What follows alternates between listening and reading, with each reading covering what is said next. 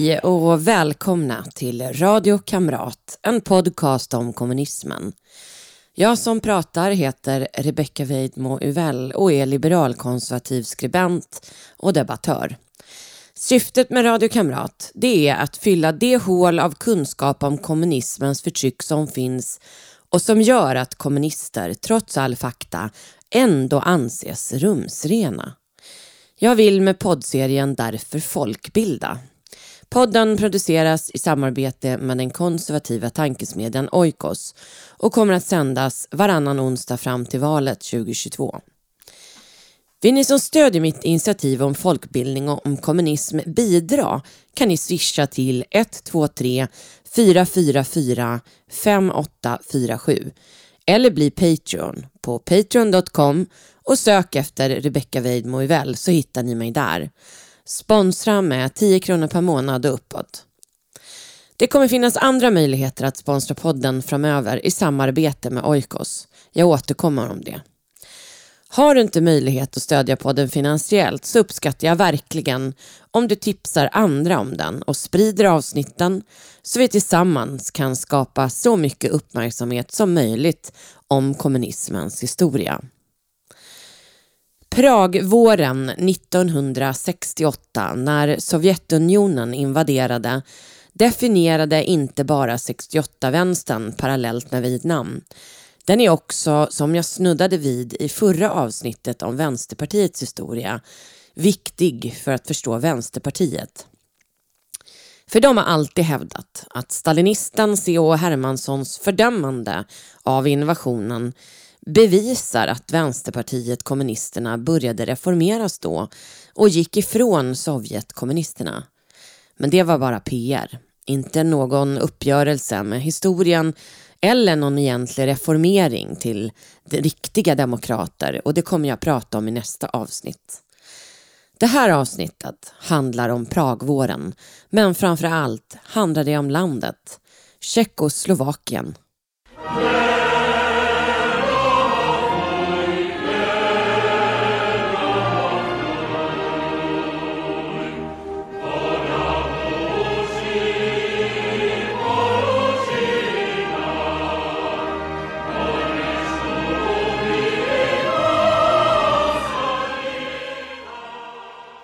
Staten Tjeckoslovakien fanns inte före 1918.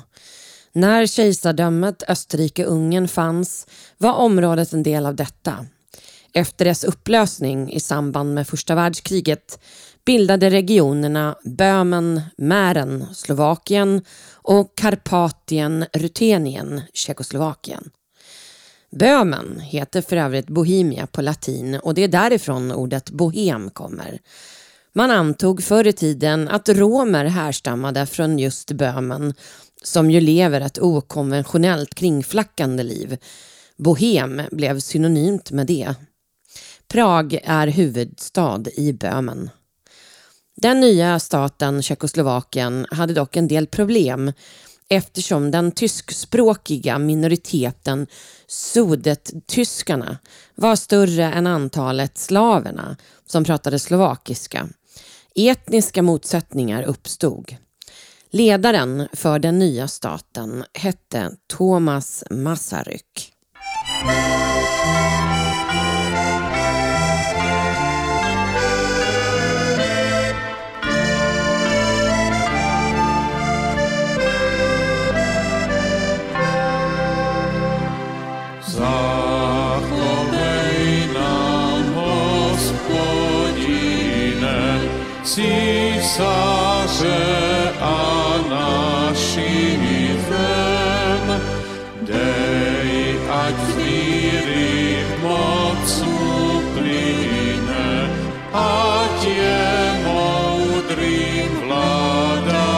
Vládařem,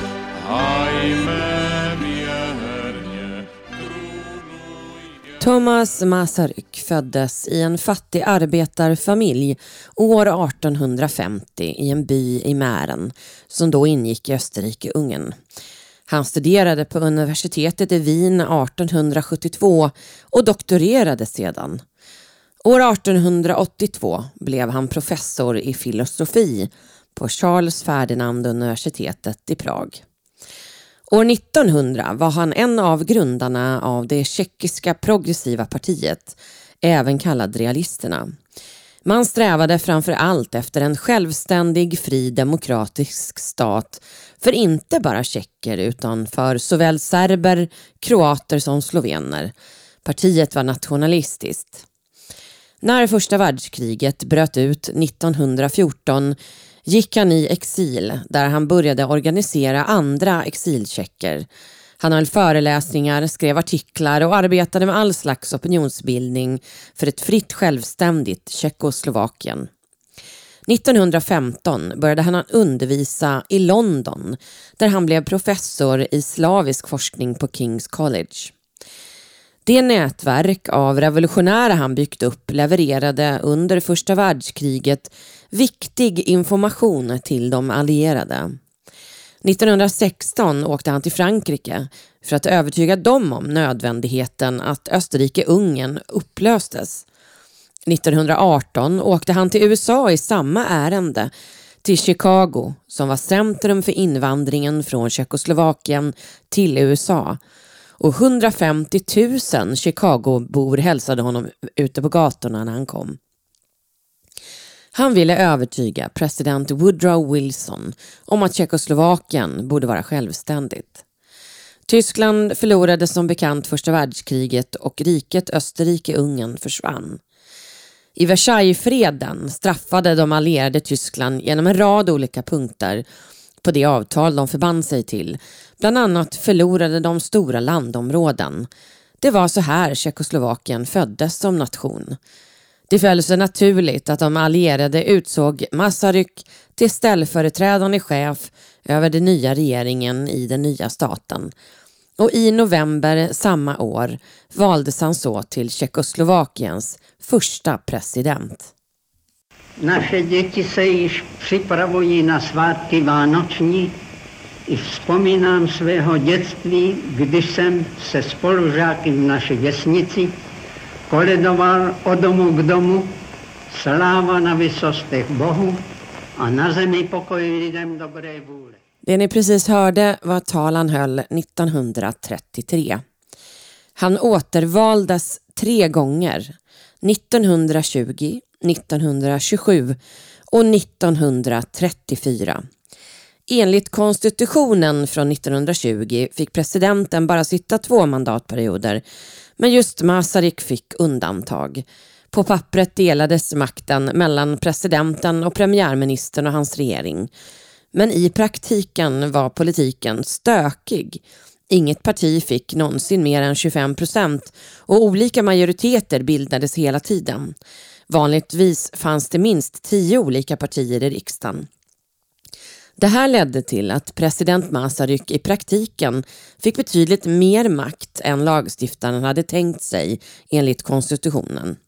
Och det här utnyttjade han till att fortsätta sitt nätverksbygge. Han döpte det till RAD, slottet, en, ett omfattande informellt politiskt nätverk. När Hitler av president Hindenburg i Tyskland utsätts till rikskansler det vill säga regeringschef 1933 och snabbt förbjöd alla andra partier var Masaryk en av de första som öppet uttryckte oro. Han avgick 1935 på grund av dålig hälsa. Han dog två år senare vid en anmärkningsvärt hög ålder av 87 år. Som grundaren av staten Tjeckoslovakien är Thomas Masaryk som Tjeckoslovakiens George Washington. Tjecker och slovaker anser att han är symbolen för demokrati. Landets andra universitet grundades 1919 i staden Brno och är döpt efter honom. Sedan frigörelsen från kommunisterna 1989 uppmärksammas både hans födelsedag och dödsdag.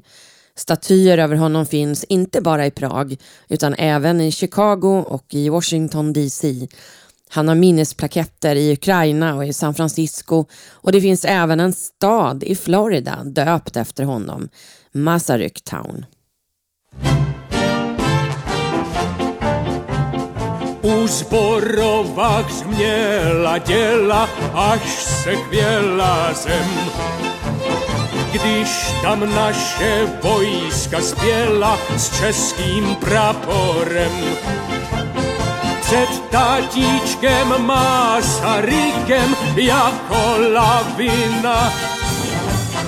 Do boje šla pevným šikem česká družina.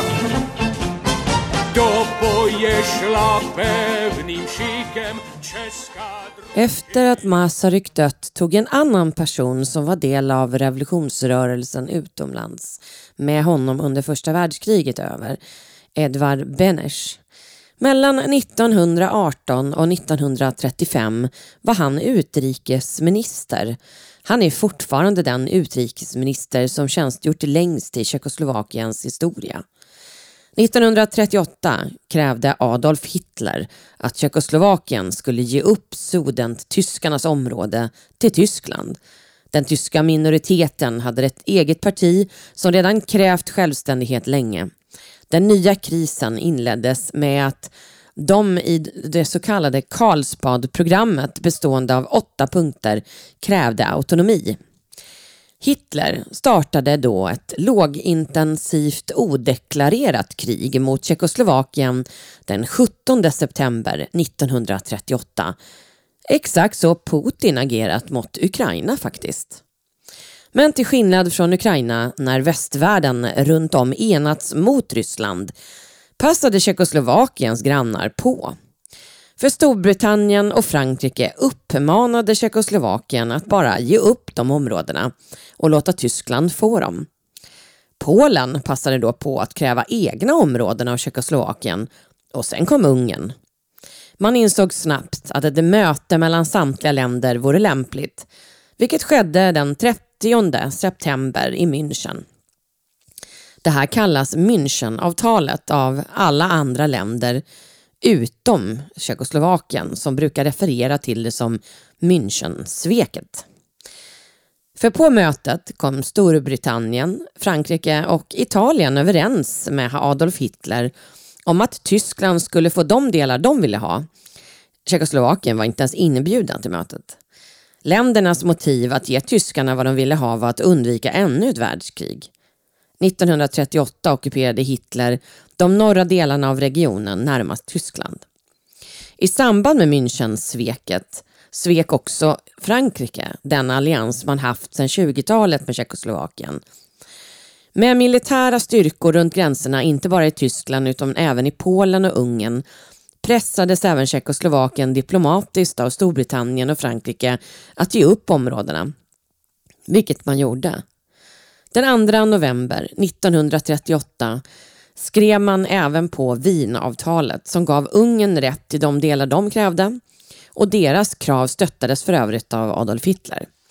Polen tog sedan de delar där en polsk minoritet bodde. 1939 togs kvarvarande delar av Tjeckoslovakien av den slovakiska staten. Karpatiska Rutenia annekterades av Ungern och Böhmen och Moravien togs av Tyskland. Tjeckoslovakien försvann från kartan. Västvärlden passade alltså på att låta olika aggressiva länder dela upp delar av Tjeckoslovakien mellan sig. Allt för att undvika det världskrig som sen ändå strax därefter inleddes.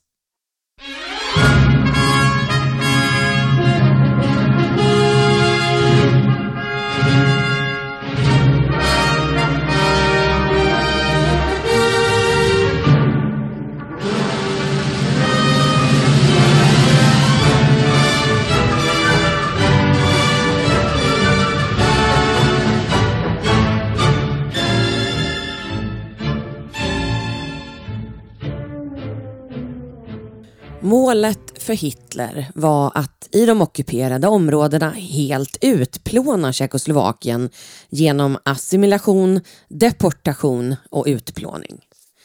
Den tjeckiska intellektuella eliten och medelklassen utgjorde den största majoriteten av de 200 000 som man skickade till läger och de ytterligare 250 000 som mördades under ockupationen. Enligt Generalplan Ost antogs att 50 procent av invånarna skulle fungera för tyskifiering. Precis som judarna ansågs tjecker, liksom polacker, serber och flera andra nationaliteter vara untermänniskan av nazisterna och måste antingen utplånas eller omskolas. Efter andra världskriget återuppstod i huvudsak Tjeckoslovakien men med undantag av delarna Karpatiska Rutenia som Sovjet tog att ingå i Ukraina.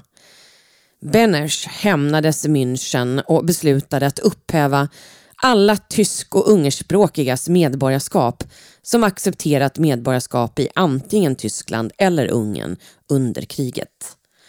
1948 avskaffades detta för ungrare, men bara delvis av tyskspråkiga. Staten började konfiskera tyskarnas egendom och fördrev 90 procent av dem, över två miljoner, från landet. De som stannade anklagades kollektivt för att ha stöttat nazisterna vilket delvis var sant eftersom 97 procent röstat på nazisterna i valet 1938. I valet 1946 i Böhmen och Mähren vann kommunisterna. Det konservativa partiet Demokratiska partiet vann i Slovakien. Det här irriterade givetvis kommunisterna som inte tänkte låta det här stoppa dem. 1948 tog de helt sonika makten i hela Tjeckoslovakien via en Sovjetbackad statskupp och demokratin avskaffades.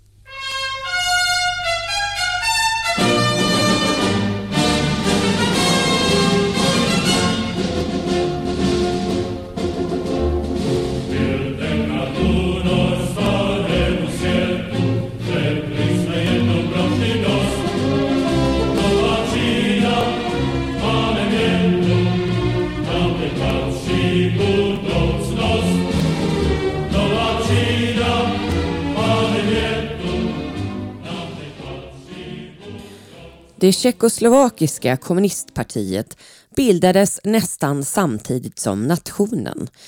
1921 grundades partiet på den kongress som det tjeckoslovakiska socialdemokratiska partiet hade i Prag. Som i Sverige uppstod partiet från en vänsterdel av Socialdemokraterna som ville gå längre och inspirerades av bolsjevikerna i Ryssland. I valet 1925 fick kommunisterna 13 procent i valet och var andra största parti.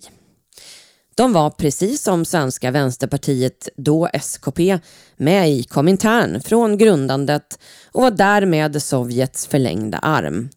Partiet var stort i jämförelse med andra kommunistpartier och med sina 138 000 medlemmar 1928 var de det andra största partiet i Internationalen, större än det franska och fem gånger större än det kinesiska vid tidpunkten.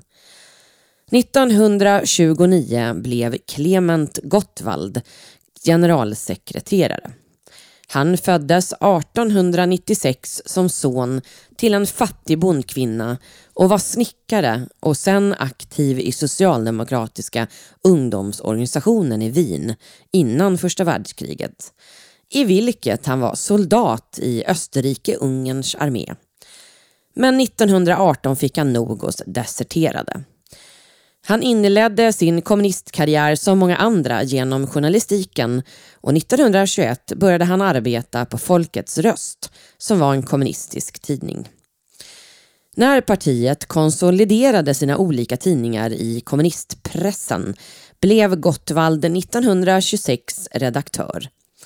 Och från 1928 var han medlem i Komintern och ansvarade för den av Stalin beordrade bolsjevikiseringen av det tjeckoslovakiska kommunistpartiet som man var skyldig enligt stadgarna i Komintern.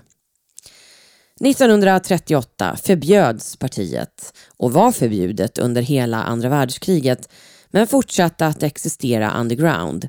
Många kommunister sökte skydd i Sovjet under kriget. I valet 1946, det sista fria skulle det visa sig, hade kommunistpartiet växt till en miljon medlemmar och blev med 38 procent största parti i valet. Clement Gottwald utsågs till premiärminister. Framgången kan ses i ett annat ljus när man vet att Gottwald 1945 påstod sig vara en anhängare av Masaryk, att han inte sa sig vilja ha socialism och Sovjet utan framför allt den demokratiska nationella revolutionen och nationen Tjeckoslovakien. President Edvard Beneš, som efter sveket i München föredrog Sovjet framför de allierade, ville att Gottwald skulle bli premiärminister. Trots att kommunisterna med sina 38 procent visserligen var störst, men inte hade egen majoritet, tog de snabbt kontroll över polisen och militären och började dominera andra ministerier som propaganda, utbildning, välfärd och jordbruk. Men de gjorde sig snabbt impopulära lite överallt. Hos bönderna med prat om kollektivisering, bland arbetarna med krav på högre produktion utan högre löner, hos den allmänna befolkningen när polisen ökade förföljelsen. Den allmänna uppfattningen var att kommunisterna skulle förlora valet 1948.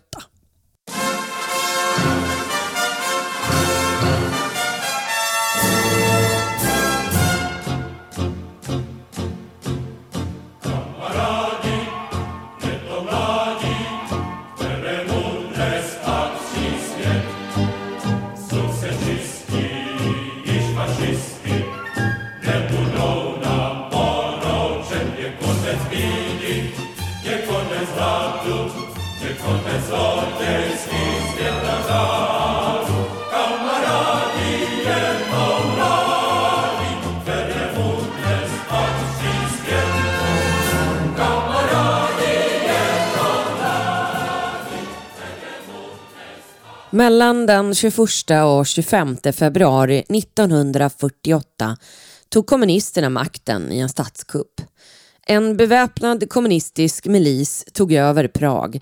Man organiserade medlemmar att demonstrera för kommunism på gatorna och antikommunistdemonstrationer upplöstes med våld.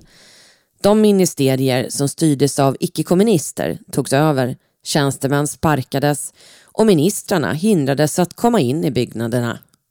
Armén under försvarsministerns övervakning ingrep inte.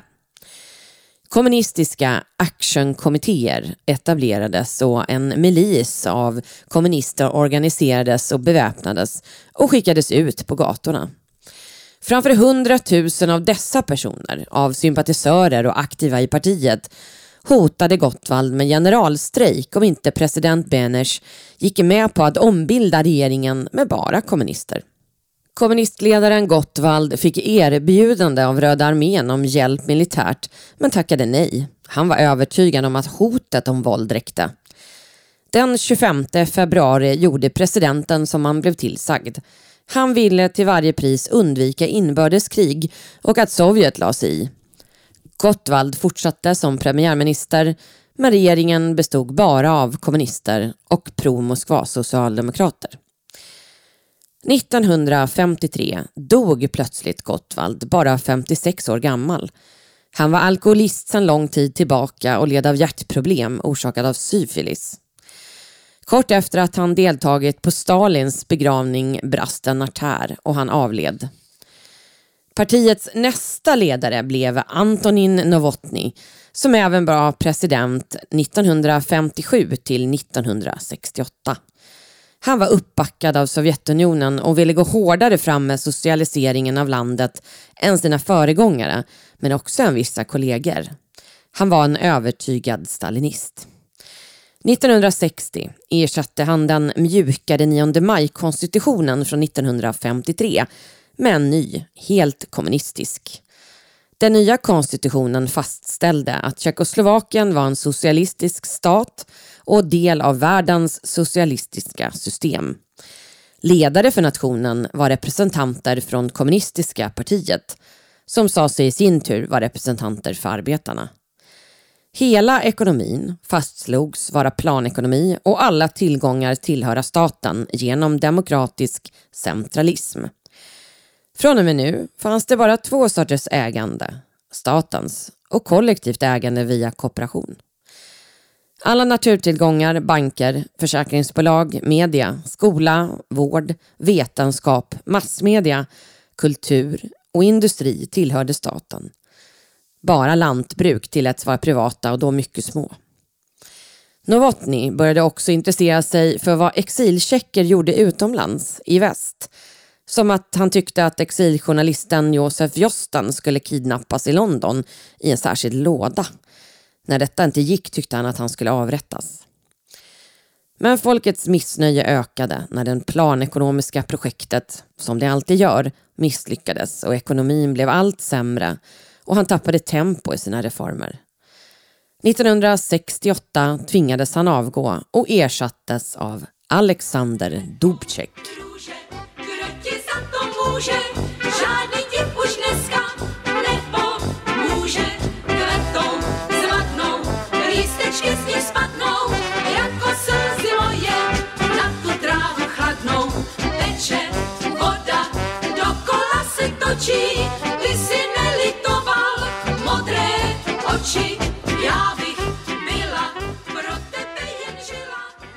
Alexander Dubček föddes 1921 i Slovakien och han föddes bokstavligen som kommunist. För hans pappa var medlem och flytt, familjen flyttade tidigt till Sovjetunionen redan 1925. De återvände först 1938. När de återvände gick då 17-årige Alexander med i det tjeckoslovakiska kommunistpartiet och han arbetade som verkstadsarbetare. Under andra världskriget var han del av den underjordiska kommunistiska rörelsen och medverkade 1944 i det slovakiska upproret mot tyskarna. 1949 började han som funktionär i partiet och blev 1958 invald i centralkommittén. Dubček var alltså verkligen en del av partieliten men inte stalinist som företrädarna. Och han såg med egna ögon hur katastrofal planekonomin var. Han ville reformera kommunismen.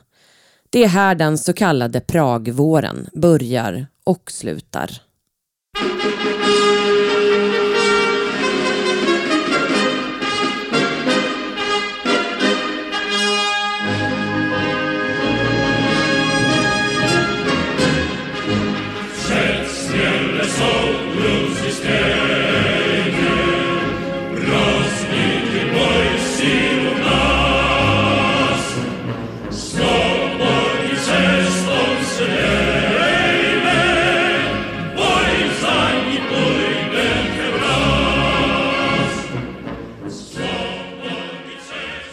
På 20-årsjubileumet av segern i februari 1948 när kommunistpartiet genomförde sin statskupp talade Dubček om behovet av förändring. Han sa sig vilja etablera partiets ledande roll mer effektivt och presenterade ett nytt program med yttrandefrihet, pressfrihet, ekonomiskt fokus på konsumentprodukter och demokrati med flerpartisystem. Programmet innehöll även utrikespolitik och vidhöll att goda relationer med såväl Sovjet som väst var nödvändigt. Liberaliseringarna skulle ske under en tioårsperiod där demokratiska val ska vara ledande och skulle leda vägen för en demokratisk socialism. De som skrivit programmet och står bakom det var noga med att inte kritisera något som skett innan utan bara konstatera att det var nya tider och en ny sorts socialism måste uppstå eftersom den gamla tjänat sina syften. Dubček döpte projektet till Socialism med ett mänskligt ansikte. På pappret skulle reformerna införas under kommunistpartiets överinseende men på grund av det stora folkliga missnöjet infördes det genast. Antisovjetisk propaganda tilläts, det socialdemokratiska partiet återuppstod och andra politiska sammanslutningar bildades. Men stalinisterna i kommunistpartiet var rasande och ville stoppa allt med hjälp av polis och militär. Dubček vägrade att tillåta detta. Nu ska ni få höra ett tal som han höll 1968. Zotrvávajúcich negatívnych javov vo vzťahoch medzi krajinami, vo vzťahoch medzi uplatňovaním politiky jednotlivých komunistických strán navzájom, Preto si treba všímať ďaleko viac. Nie dôsledky, ale príčinnosti určitých javov. Naše predsedníctvo Ústredného výboru komunistickej strany Československa sa bude týmto riadiť.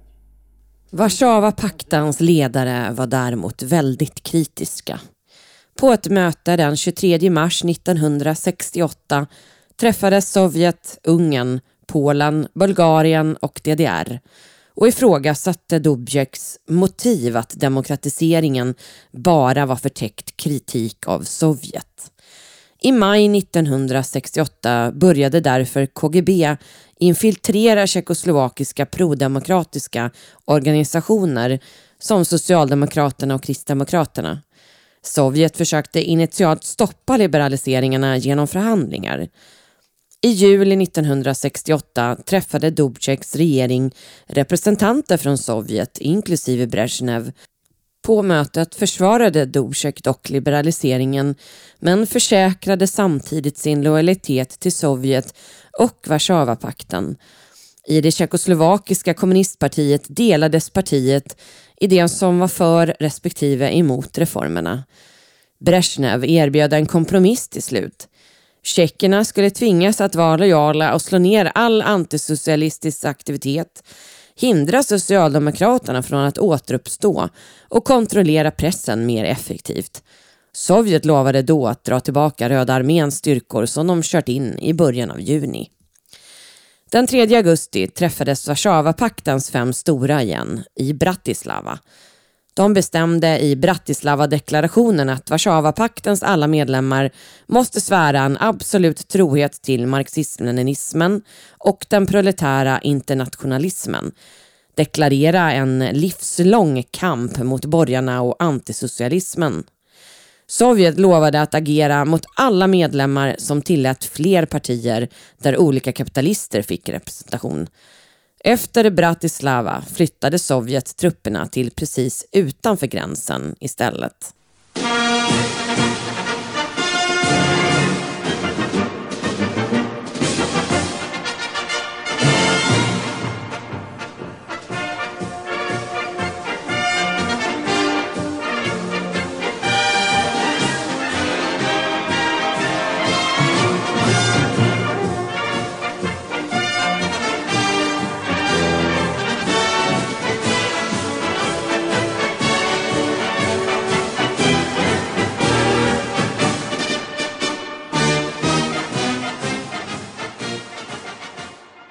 Men samtalen med Sovjet ledde ändå inte till att Dubček backade och Sovjet började överväga militär intervention.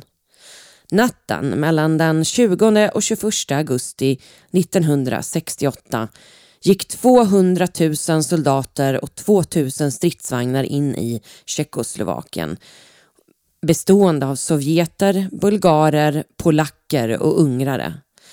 De ockuperade först flygplatsen i Prag för att säkerställa att fler soldater kunde landa. Tjeckiska armén hölls i sina baracker till hotet om försvar av landet var avvärjt. På morgonen den 21 augusti var Tjeckoslovakien ockuperat.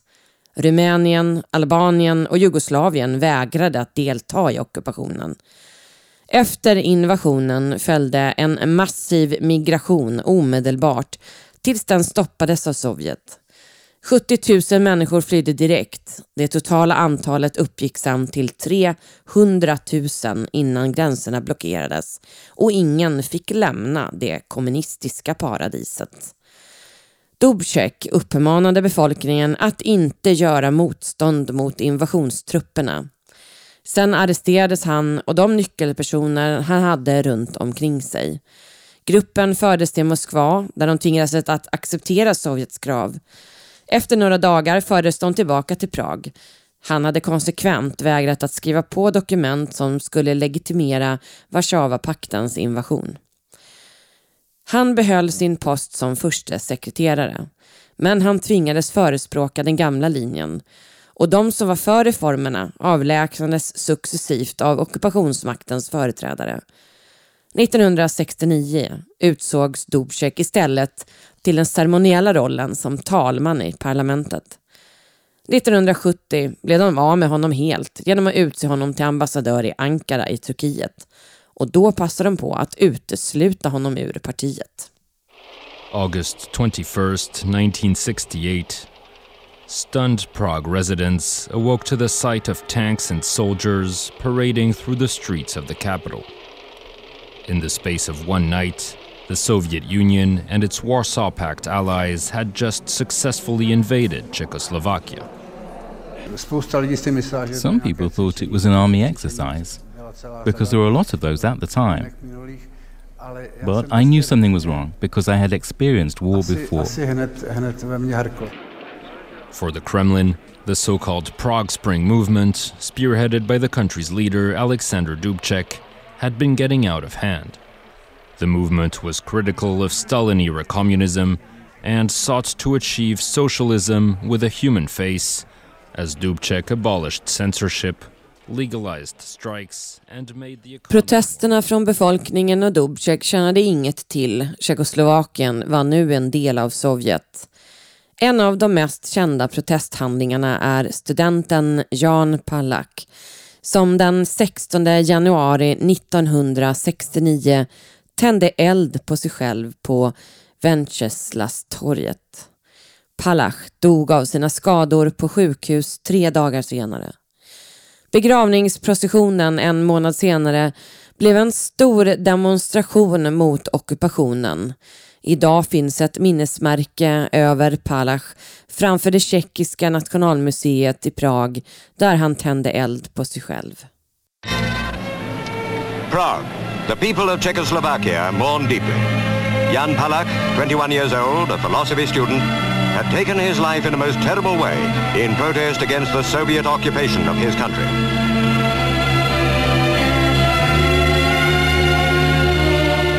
Hundreds of thousands of people lining the route, his mother's tears of grief were shared openly by all who knew so well what Jan Palach's sacrifice had been for.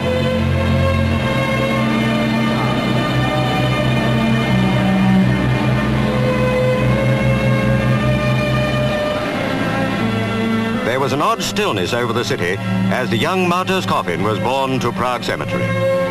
Jan and many of his fellow students held a growing fear that their countrymen were getting accustomed to the Soviet occupation. Jan set himself ablaze. His death was the spur he'd hoped it would be. Jan Palach was quietly laid to rest. His family did not mourn alone. The Czech nation will not quickly forget the selfless act of the young man who died for his country's freedom. Initialt begravdes han på Olszani, kyrkogården i Prag, men allt eftersom hans grav mer och mer blev en nationell helgedom och en symbol för protesterna bestämde sig tjeckiska hemliga polisen, STB, att utplåna hans minne så gott de kunde. Den 25 oktober 1973 grävde de upp liket, kremerade resterna och skickade till hans mamma. Han ersattes med en okänd gammal kvinna i graven. Hans mamma fick inte tillåtelse att gravsätta askan förrän 1974. Den 25 oktober 1990 efter Sovjet kollapsat fördes Palaks aska tillbaka till sin första gravplats i Prag där den finns än idag. 20-årsdagen av Palaks protest i januari 1989 eskalerade till något som kan kallas Palachveckan då en serie av antikommunistiska aktiviteter organiserades och slogs ner av polis i Prag. Mellan 17 november och 29 december 1989, samma år, hände äntligen det Palach önskade sig. Sammetsrevolutionen inträffade när världens kommunism tog sina sista andetag.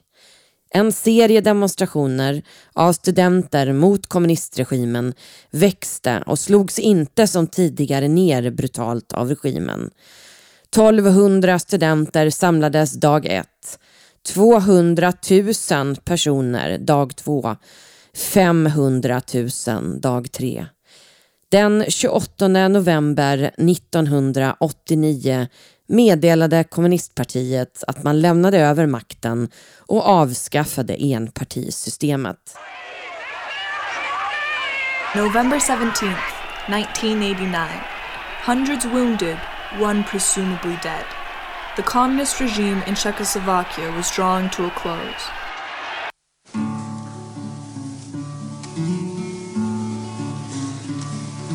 Krásný je vzduch, krásnější je moře, krásný je vzduch, krásnější je moře, co je nejkrásnější, co je nejkrásnější, usměvavé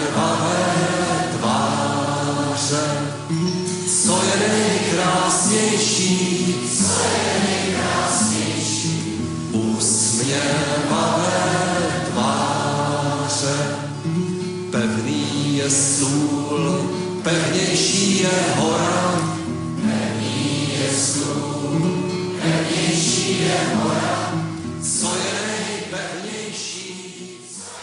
Den 30 november 1989 avskaffade riksdagen delen i Novotnysk konstitution att landet bara kunde regeras av kommunisterna.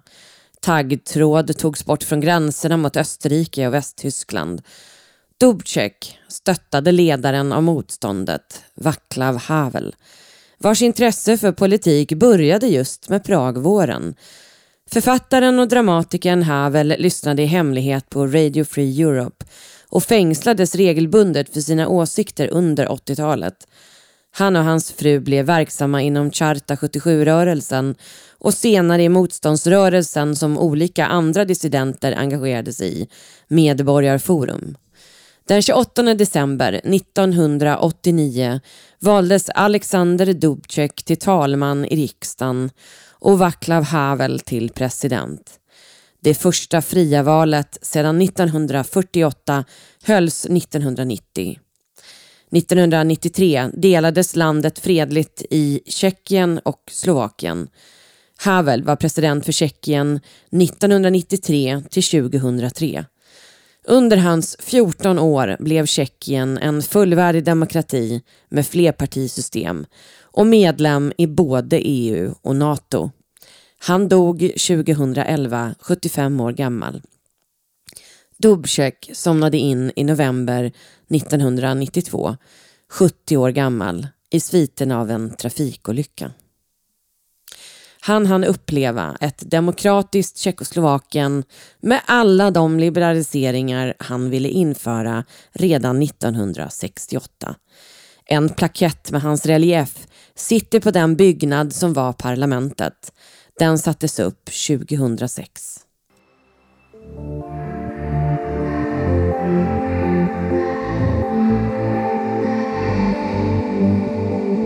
I lost my soul, forgot my way. There's no mistakes that I've not made.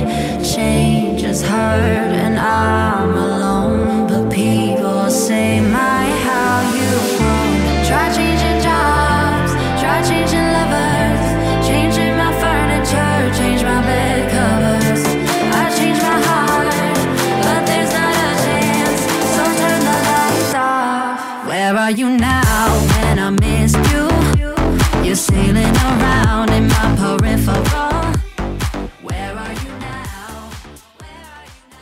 Ibland får jag mejl som undrar vad vissa låtar heter som jag är med i programmen. Tyvärr kan jag inte hålla på och göra listor på musiken som ingår eftersom det tar alldeles för lång tid. Men den låten ni precis hörde, det är Tjeckiens bidrag i Eurovision 2022. Så den kan ni söka upp eh, online eller på Youtube som jag har tagit den. Som ni märker har jag inte med svenska relationer och aktiviteter kring Pragvåren.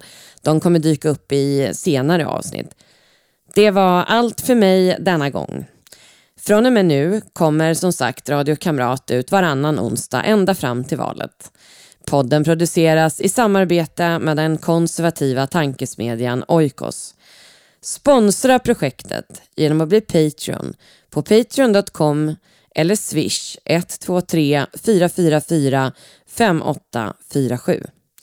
Och berätta gärna för fler om podden, för ju fler som lyssnar desto mer påverkar vi. Tack för att ni lyssnat. På återseende.